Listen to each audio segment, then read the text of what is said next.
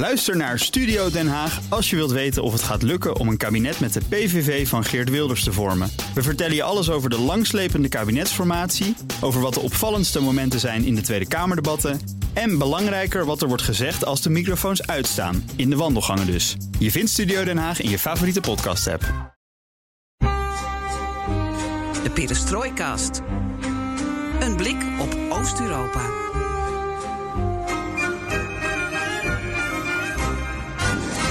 Welkom bij BNR Perestroikast, aflevering 82, een perestrooi kort, waarin één thema centraal staat. En deze speciale aflevering wijden we aan een man wiens naam niet genoemd mag worden in sommige kringen. En we wijden deze aflevering ook aan protesten van diezelfde man, want die persoon is gearresteerd en dat viel allemaal met elkaar afgelopen week samen. En dan hebben we het over Alexei Navalny. Ik noem zijn naam toch maar even, ook al doen president Poetin en zijn Kremlin-entourage dat niet. Het verhaal van Navalny is bekend. Vergiftigd, behandeld in Duitsland, afgelopen week teruggekeerd, gearresteerd. En alsof dat nog niet aandacht genoeg was, plaatste hij een video op YouTube van het immense paleis van Poetin aan de Zwarte Zee. En Russen gingen de straat op in tientallen steden in het hele land afgelopen week. Op de ene plek wel wat meer dan op de andere. En Centraal stond de vrijlating van Navalny, die werd geëist. Maar we zagen ook een heleboel Russen niet op straat. En wij vragen ons af wat nou precies het profiel van Navalny is. Is hij nou Kremlin-criticus, activist en corruptiebestrijder?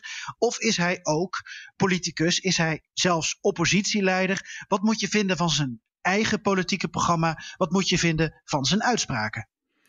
Kortom, om met Lermontov te spreken, Navalny, een held van deze tijd of niet? We hebben maar één echte Navalny-watcher in ons midden, Floris. En dat is uh, Joost Bosman, volger ook van de protesten in de Russische hoofdstad. En dat betekent dat we maar eens gaan schakelen met Moskou. Het is maandag 25 januari 2021. Ik ben Geert-Jan Haan. En ik ben Floris Akkerman. En dit is Perestrooi Kort.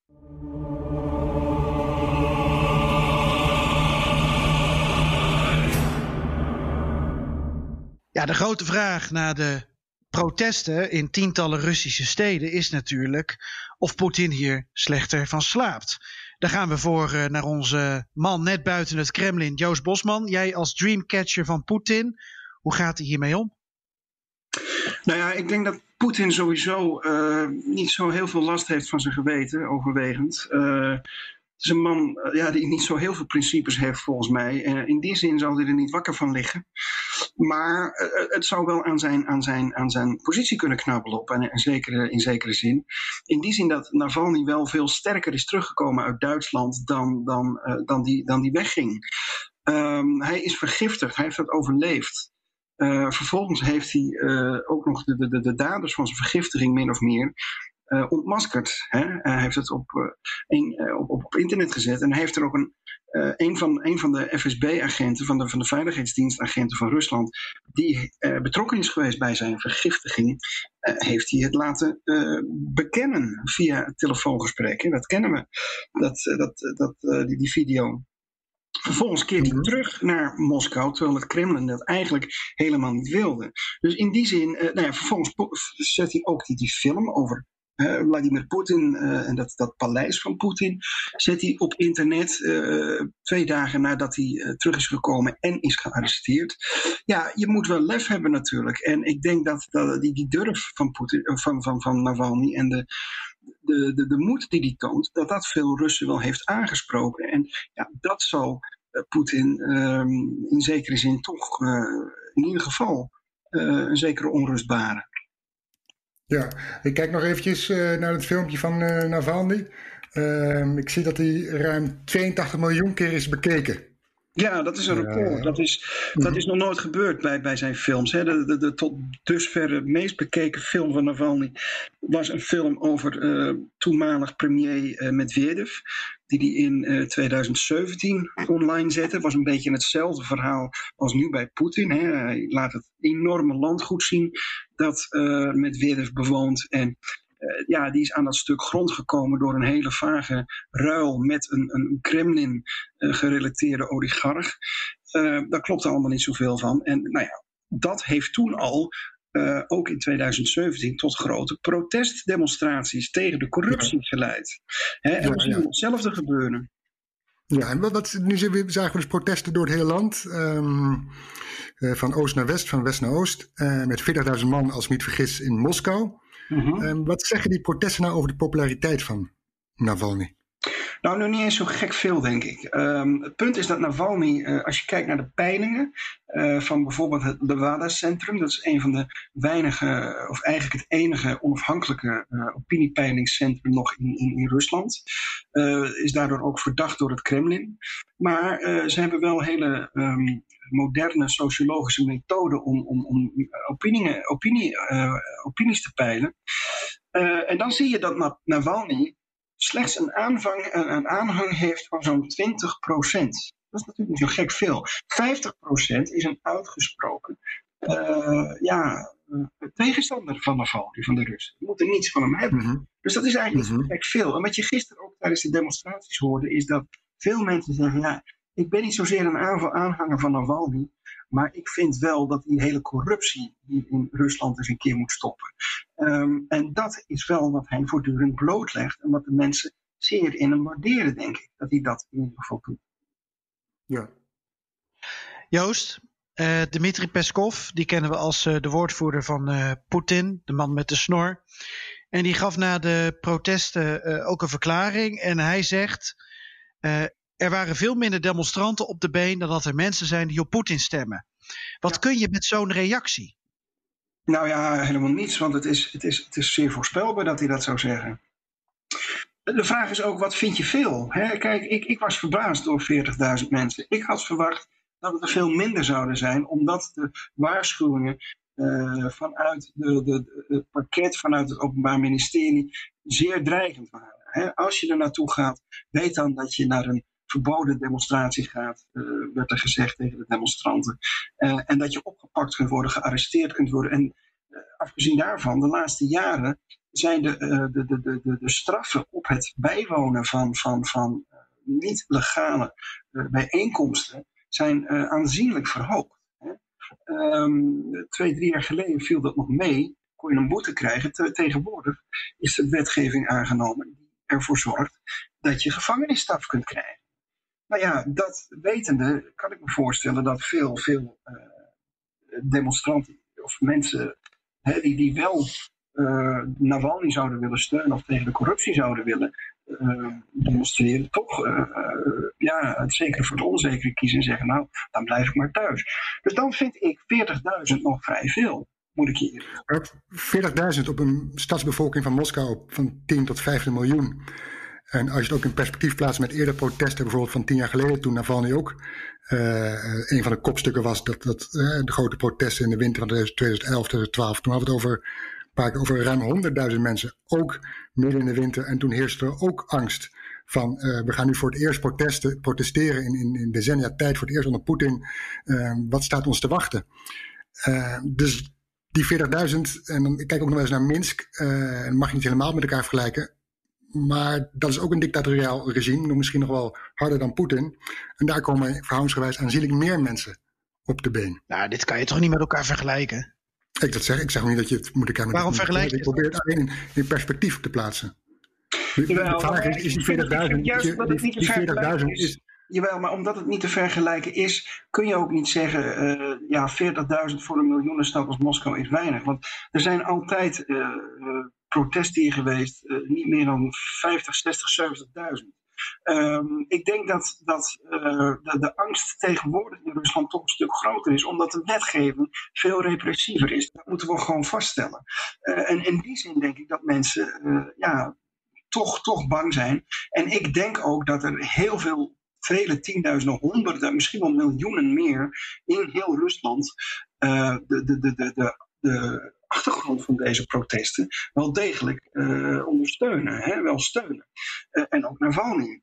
Uh, maar om echt de straat op te gaan en, en, en ja, je, je lens te laten mappen door de politie, want dat is wat er keer op keer gebeurt. En je kunt gearresteerd worden en je kunt de gevangenis gewoon indraaien, omdat je alleen maar aanwezig bent op een demonstratie waarvan de regering zegt hij is niet legaal. Terwijl de grondwet gewoon het recht op demonstreren in zich herbergt, kan ik me voorstellen dat veel mensen zeggen: ja, nou, het is me toch te gevaarlijk. Hè? het hangt er ook een beetje vanaf hoe, hoezeer getergd de mensen zijn. Wat ik, wat ik wel merk, wat ik merkte gisteren op de demonstratie, is dat de, agressie, de, de woede bij de mensen zoveel sterker nog weer is dan bijvoorbeeld anderhalf jaar geleden toen het ging. Ja, je zag nu dat er echt werd geknokt, hè? Dat is niet wat je eerder, eerder het, leidt daartoe, het leidt daartoe. Mensen waren mhm. zoveel kwaaier dan twee, anderhalf jaar geleden. Toen ging het om het uitsluiten van oppositiekandidaten bij de lokale verkiezingen. Ja, dat is niet prettig en dat, dat, dat wil je natuurlijk niet. Dus kwamen mensen in opstand. Maar dit keer eh, heeft uh, Navalny toch wel zoveel uh, publiciteitsbommen geplaatst in de loop van de afgelopen vijf maanden. Uh, met als uh, uitschieter natuurlijk, met als klap op de vuurpijl, die, die, die, die film over Poetin. Ja, dat, dat ehm, mensen echt toch wel dachten van ja, dit kan niet, we, we moeten hier tegen ingaan. En dus ook inderdaad, op het moment dat ze door de politie worden aangevallen, beginnen terug te mappen. En dat heb ik hier nog nooit gezien. Dat vond ik toch wel verbazingwekkend. Zeker, zeker. Toch blijven die 40.000 blijft altijd, of die aantallen lastig om in te schatten wat daar dan de, de waarde van is. Natuurlijk, maar het is een begin. Hè. Kijk, uh, hij heeft mm nog maar één keer opgeroepen tot, tot uh, protesten. Uh, Navalny's chef-staf, Leonid Volkov, die is inmiddels uitgeweken naar Litouwen. Maar die heeft ook weer opgeroepen tot nieuwe protesten komende, komende zaterdag. ik kan me zo voorstellen dat Navalny deze week ook alweer een keer vanuit de gevangenis van zich laat horen. En het, eh, hetzelfde doet. Ook, ook oproept tot nieuwe demonstraties. Nou ja, dan zou het zo wel weer meer kunnen zijn dan, dan, dan 40.000. Stel voor, stel voor dat de, de, de regering een keer een, een, een, een demonstratie toestaat, hè, wat anderhalf jaar geleden ook gebeurde. Dus week in, week uit op zaterdag werd er gedemonstreerd, dat was niet toegestaan. En dus werden er uh, honderden, duizenden mensen in totaal gearresteerd. Maar één dag lieten ze het wel toe, op een andere locatie dan waar de oppositie wilde. Maar goed, dat hebben ze gedaan. En prompt komen er 60 tot 70.000 mensen opdagen. Ja, dat zou nu ook zo kunnen zijn. En er zit potentie in Navalny. Als we kijken naar de burgemeesterverkiezingen in 2013 in Moskou. Weliswaar Moskou, maar toen met beperkte middelen uh, eindigde die heel ver. Geloof ik 23 procent, toch? Ik dacht 27, 27 procent. 27 zelfs. Ja. Nou ja, ja ik, vind het, ja, ik vind het een beetje moeilijk, omdat toen, uh, ja, het is een heel andere tijd inmiddels. Dus zo ja, het geeft aan dat hij potentie heeft, dat er iets is. Maar dat, dat is zeker, dat, dat heeft hij zeker. En, en, en met name bij de jongeren. En, en vergis je niet, als je kijkt naar de, de, de, de gemiddelde leeftijd gisteren van de demonstraties ging het over mensen die gemiddeld 31 jaar waren. Dat is natuurlijk vrij jong. Um, over twee jaar, of wat zeg ik, over drie jaar, nee, 2024, zijn er weer presidentsverkiezingen. Moet Poetin herkozen worden? Kan hij herkozen? De mensen die nu jong zijn, uh, misschien nog 15, 16, die hebben over drie jaar hebben ze, uh, kiesrecht. Dus dat, dat aantal groeit. Hè, van, van, van eventuele Navalny-stemmers, of Navalny-stemmers, anti-Poetin-stemmers, laat ik het zo zeggen. Uh, want doet niet mee, dat gaat nooit gebeuren. Maar dat, vind ik, dat vond ik toch wel veelzeggend. Iets anders is dat 40% gisteren van de demonstranten voor het eerst meedeed aan een demonstratie. Dat geeft aan dat de, de, de van mensen die het gehad hebben met Poetin heel groot is. Want die komen alleen maar daarop af. Bijna de helft is voor het eerst komen demonstreren. En dat zegt wel wat. Maar Joost, die protesten, zijn die nou, ik probeer het te begrijpen, zijn die nou ter ondersteuning van de zaak Navalny? Zijn die ter ondersteuning van de uh, politiek die Navalny uitstraalt? Zijn die tegen corruptie? Zijn die tegen het Kremlin? Wat zijn nou, dit voor protesten? Nou ja, ik denk dat het, uh, dat het allebei is. Het is voor Navalny, uh, omdat men vindt, voor een groot deel vindt, vinden de demonstranten dat hij illegaal uh, gearresteerd is. En, en, en afgezien daarvan, hij is vergiftigd door zijn eigen veiligheidsdienst. En dat begrijpen de mensen ook wel, die, die, die, die gisteren hebben gedemonstreerd. Anderzijds is het ook tegen de corruptie mensen hoeven niet eens zozeer een aanhanger van Navalny te zijn om te begrijpen dat, uh, dat wat hij doet uh, qua, qua corruptiebestrijding, corruptie blootleggen, dat hij daar absoluut wel een punt heeft. En dat zijn de mensen ook zo verschrikkelijk beu, dat het eigenlijk samenvalt. Het is het een en het ander. Ze zijn voor Navalny en tegen de corruptie. En of ze nou, uh, hè, ja, Navalny als, als president, toekomstig president zien, wat hij nooit zal worden, of niet, uh, maar goed, ja, dat, dat, maakt niet zoveel uit. Mensen zijn gewoon dit hele systeem gewoon zo beu uh, dat ze de straat op trekken. Maar het is wel een, een punt dat ik niet voor niets op deze manier um, in een vraag giet. Want ik ben altijd zo benieuwd naar uh, of Navalny ook meer is dan een anticorruptieactivist. Uh, of dan een Kremlin- en oligarch-criticus. Um, is hij ook een oppositiepoliticus? Is hij de oppositiepoliticus? Heeft hij een politieke agenda? Uh, er wordt gezegd, Navalny heeft een andere kant. Kun jij daar wat meer over vertellen hoe jij er naar kijkt? Nou, ik denk dat hij in ieder geval de op één na belangrijkste politicus van Rusland is op dit moment. Maar dat wil niet zeggen dat hij ook uh, geschikt zou zijn of, of, of uh, überhaupt de mogelijkheid zou hebben om ooit president te worden. Dat geloof ik niet. Althans, niet onder dit regime. Dat kan gewoon niet. Omdat dat wordt uitgesloten. dit regime gaat niet met hem onderhandelen. Uh, zal, hij zal nooit de mogelijkheid krijgen om deel te nemen aan verkiezingen. Tegelijkertijd is hij wel de meest zichtbare en de meest bedreigende uh, politieke kracht voor president Poetin en zijn milieu.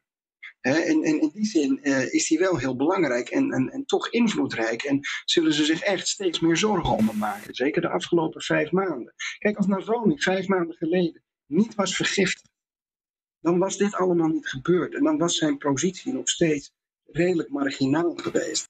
Wat hij naar verhouding nog steeds is natuurlijk.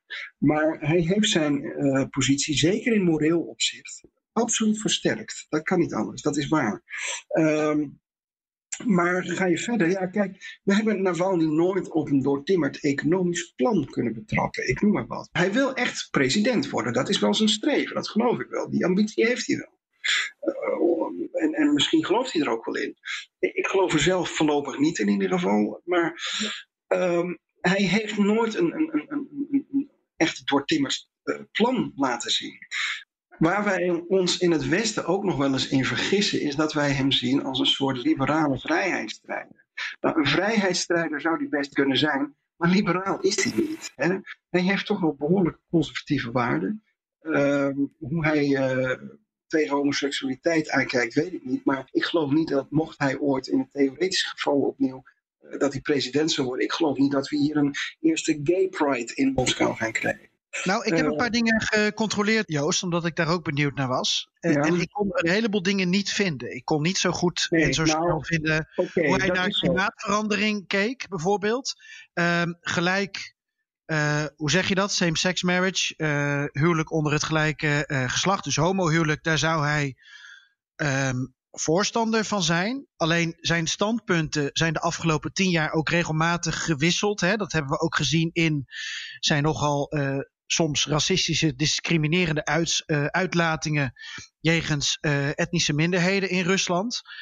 En ja, het, het is vrij ingewikkeld. En wat me nog opviel, ik zat nog te kijken trouwens naar de Russische tv en ik zag jouw grote vriend Kiselyov. Die zag ik een opmerking maken over Navalny, uh, waarbij weer zijn naam niet werd genoemd. Hè, want dat is geloof ik een ding uh, dat je zijn naam niet noemt op de Russische tv. Maar er werd gezegd, er is een politicus in Rusland nu met het niveau van een toiletborstel. Toen vroeg ik me wel af, van nou ja, hij zal slimmer zijn dan een toiletborstel, maar wat zou hij nou van al die dingen vinden? En moet je in Rusland daar ook iets van vinden om president te worden? Nou, die, die, die, die, uh, die, die, die, toiletborstel, dat heeft te maken met, met uh, die film van hem, hè? waarin hij zegt dat een, een, een, alleen al een playborstel in het paleis van Poetin 700 euro kost. Dat verwijst daar naar. Maar goed, Kisilov gebruikt dat en, en geeft aan van kijk dit is het niveau. Um, ja, wat, wat, ik, wat ik van Navalny denk, is dat hij Uh, ik, ik vind hem niet zo liberaal. Uh, die racistische opmerking, daar zou je nog van kunnen zeggen, ja, weet je, dat, zijn, dat, dat kunnen misschien jeugdzonden zijn, dat weet ik niet. Had hij toch ook zijn excuus voor aangeboden? Ja, uh, het punt is alleen, wat zou er gebeuren als hij inderdaad de macht krijgt? En de laatste jaren heeft hij zich eigenlijk alleen nog maar over die corruptiezaken uitgesproken. Dus we weten het gewoon niet. Wat we wel weten bijvoorbeeld van hem, is dat hij uh, en, en, ik denk absoluut niet dat dat een jeugdzonde is, maar dat hij de, de, de, de, de annexatie van de Krim bijvoorbeeld, daar heeft hij van gezegd, ja, die was illegaal, maar de Krim is Russisch. Ja. Punt. Ossetië, uh, ja, Ossetië. Dan heb, je, dan heb je op internationaal uh, niveau al meteen een probleem natuurlijk. Hè? Dus in die zin is hij helemaal niet zo'n zo hele liberale figuur. En hij komt eigenlijk wel uit een soort nationalistische hoek. Ik heb ook wel eens een filmpje van hem gezien, bijvoorbeeld. Van jaren geleden al. Dus je moet er ook niet te veel over zeggen. Maar, en ook dat kan weer een jeugdzondige zijn. Maar toen zat hij nog bij een beweging eh, die heet Narod, het volk. Hè? En, en daar liet hij een, een, een, een, een filmpje presenteren die, waarin hij een, een pistool op tafel heeft liggen. Waarin hij zegt, ja kijk, uh, kakkerlakken en, en, en uh, ongedierte kun je met je pantoffel en met een vliegenmapper bestrijden. Maar dit soort figuren, en dan krijg je een foto te zien van Shamil Basayev, hè, destijds de, de rebellenleider, met een paar vrienden om zich heen. Dit soort figuren uh, raad ik u aan een pistool te gebruiken. En dan wordt hij aangevallen en dan knalt iemand neer, ook in die studio. En dan zegt hij, ja, ik raad u aan een pistool te gebruiken. Ja, dat is natuurlijk, eh, ik, ik was toch wel redelijk geschokt toen ik dat zag. Ik denk, is dit nou ja, Nogmaals, het is heftig. Ja, het is heel heftig. Hij schiet die uh, belager dood. En de, het hele filmpje suggereert dat dit een Chechen is. Hè, die dit Tsjetsjenen zijn niet te vertrouwen. Dat zijn de, de rovers, dat zijn de bandieten uh, in Rusland. Uh, dus ja, maar goed, nogmaals, dat kan een, een, jeugdzonde zijn. Maar dat is wel waar die vandaan komt. Hè? En, en, en je weet niet als hij ooit uh, in, in, in een hogere positie zou komen, wat hij dan gaat doen. Dat weten we gewoon niet. Ik sprak van de zomer iemand. Uh, was een cameraman, die was vrij liberaal. Het was op de dag dat uh, stemming was voor de, voor de, voor de constitutiewijziging, de grondwetswijzigingen. Ik had een praatje met hem. En het ging over die wijziging. Hij zei: Ik heb absoluut tegengestemd, want hij moest niet zoveel van Poetin hebben. En, en, uh, de man had ook veel gereisd in Europa, sprak ook goed Engels. En, nou ja, en, en vervolgens, ja, je hebt zo'n beetje zo'n gesprek over zo'n zo'n politiek onderwerp. En dan kom je toch wel snel over Navalny. En hij kreeg grote ogen en hij begon met zijn vingertje te zwaaien. Oh nee, zei hij. Oh nee, nee, nee. Uh, Navalny nooit, nooit. Hij zei als Poetin ooit nog eens een keer in het theoretisch geval tegen Navalny in het strijdperk zou moeten treden, in een, in een, uh, een, onderling uh, gevecht, zeg maar, voor het presidentschap. Hij zei, dan zou ik op Poetin staan. Want, zei hij, Poetin heeft de macht. Dat is niet prettig, want hij misbruikt hem en hij is corrupt. Maar, zei hij, Navalny wil de macht. En die gasten zijn veel gevaarlijker zijn. Je zag Navalny ook meedoen aan die Russische mars. Die heb je altijd in november. Hè? Rusland voor de Russen. Dat is lang geleden hoor. Dat is al wel zes, zeven, acht jaar geleden dat hij daar meegedaan heeft. Er waren niet, niet frisse types lopen daarmee rond. Ook van de orthodoxe kerk. Die, die, dat zijn echt uh, rechtser dan rechts. Aan de andere kant, en dat is, dan wil ik inderdaad die Russische mars van een paar jaar geleden kijken naar het nu. Als je spreekt met de mensen uit de omgeving van Navalny, uh, Nikolai Lyashkin bijvoorbeeld, of uh, in Nizhny waar ik een paar jaar geleden was om met daar zo'n campagnekantoor te spreken. Dat zijn niet mensen die allemaal extreem rechts zijn, nationalistisch. Dat, die lijken eerder liberale waarden te dragen. Daar laat hij zich wel mee omringen. Ja, nou ja, misschien is dat inderdaad dus ook, uh, wat ik zeg, is hij daardoor door beïnvloed en heeft hij ook inderdaad, heeft hij zich bekeerd tot, tot een soort meer liberale uh, overtuiging. Dat zou kunnen, dat weet ik niet.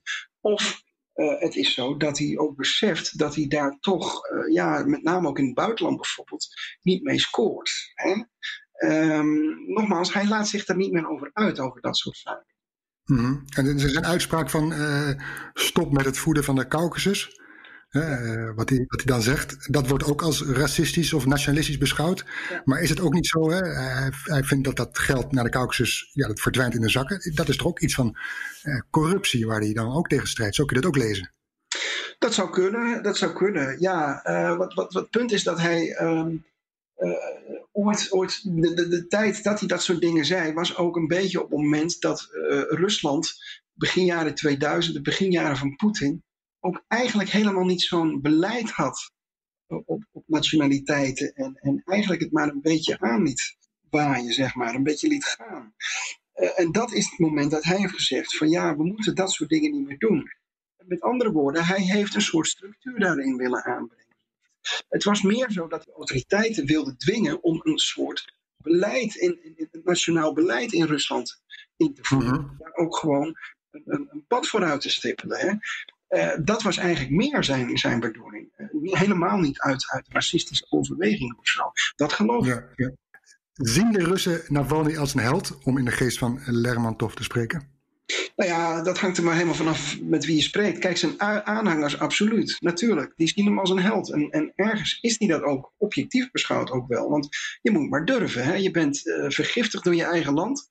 En, en uh, die willen eigenlijk dat je gewoon wegblijft. En wat doe je? Je neemt toch maar vijf maanden weer het vliegtuig en je gaat gewoon terug. Hè, om, om ze gewoon voor blok te zetten. Nou ja, uh, kom er maar om. Ik vind, dat, ik vind het nog dapper. dat vind ik helder gedrag. Uh, anderzijds, er zijn ook mensen genoeg die zeggen, ja, maar die geloven de propaganda en die zeggen, ja, maar die, die, die Navalny is helemaal niet vergiftigd. Een samenzwering van, van uh, westerse veiligheidsdiensten. En uh, hij is gewoon een, crimineel. En die zullen dit helemaal niet als heldhaftig zien. Want die zeggen gewoon, hij is een agent van de CIA en dit soort.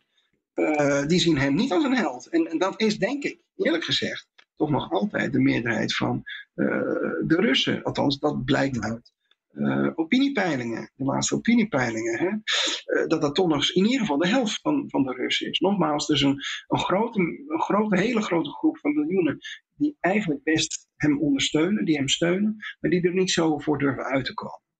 Geja? Ik vind het een hele lastige. Want ik moet ook de hele tijd denken aan Oekraïne en hoe rond uh, het Europees kampioenschap kampioenschap voetbal van 2012 er een enorme westerse lobby voor uh, Timoshenko was. Um, voor, voor mij was dat voor een deel uh, vanuit uh, ja, onwetendheid of omdat er een agenda achter zat. ik vind de situatie in Wit-Rusland, Belarus, vind ik ook lastig. Want Tiganovskaya is heel duidelijk geen politica, maar een uit nood geboren en naar voren geschoven oppositieleidster, waarvan we helemaal niet weten wat ze nou precies met het land wil. Ze zegt ook eigenlijk dat ze dat zelf niet weet. Maar omdat haar man achter slot en grendel zit en met hem velen, is zij nu eigenlijk degene waar uh, alles en iedereen in het Westen uh, steun voor betuigt. Maar eigenlijk zijn het natuurlijk gewoon vooral anti-stemmen tegen de mensen die er nu zitten. En dat maakt dit voor mij zo, zo ingewikkeld. Ik zeg niet dat Navalny geen goede dingen doet. Maar ja, misschien kan je het ook heel makkelijk zeggen, omdat Joost zegt van nou, hij wordt toch geen president. Maar de wijze waarop elke keer een land als Nederland uh, en andere westerse landen telkens maar weer onvoorwaardelijk steun betuigen voor figuren die zich nog op geen enkele manier bewezen hebben. Alleen maar omdat zij dan alternatieven voor nog veel ergere figuren en vooral voor nog veel ergere regimes moeten zijn. Ik vind dat een hele lastige. Joost. Ja, nou ja, ik, ik, ik op dit moment, en dat komt ook omdat ik, uh, ik, ik ben niet zo'n aanhanger van Navalny, maar ik vind, ik vind wel wat hij doet, vind ik heel erg dapper. En in die zin zou ik hem het voordeel van de twijfel willen geven. In dat geval zijn Greenpeace-activisten ook heel dapper. Is Greta Thunberg uh, dapper? Is David Attenborough uh, dapper? Zijn mensen die in Amelisweert zich vastketenen aan bomen dapper? Maar dat maakt ze nog geen goede premier of president. Nee, zeker niet. Dat, dat, dat zeg ik ook niet. Maar um, het punt is, er wordt ook wel gezegd van Navalny heeft geen, geen, geen, uh, geen leidinggevende functies gehad. Dus wat weet hij eigenlijk van, van een presidentschap? Nee, nou ja, hij heeft zeven jaar lang de, de, de Moskouse afdeling van de partij Jableke geleid. Hè? Hij leidt al meer dan tien jaar zijn eigen organisatie. Uh, ja, het, het, is wat anders dan een heel land te leiden natuurlijk.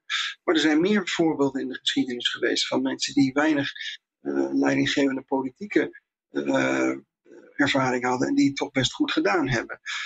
In die zin denk ik, ja, de man is intelligent, heeft financiële achtergrond ook nog. Dus hij zou best iets van, van staatsfinanciën weten. Um, ik, ik zou het op zich wel aandurven, geloof ik. Maar het punt is gewoon dat, dat het, het, het, het gaat niet gebeuren. En dus blijft het een, een hypothetische kwestie. Bedankt, Joost Bosman. Ja, graag gedaan. correspondent voor het FD, AD en BNR. En natuurlijk de beste moppetapper ten oosten van de Elbe.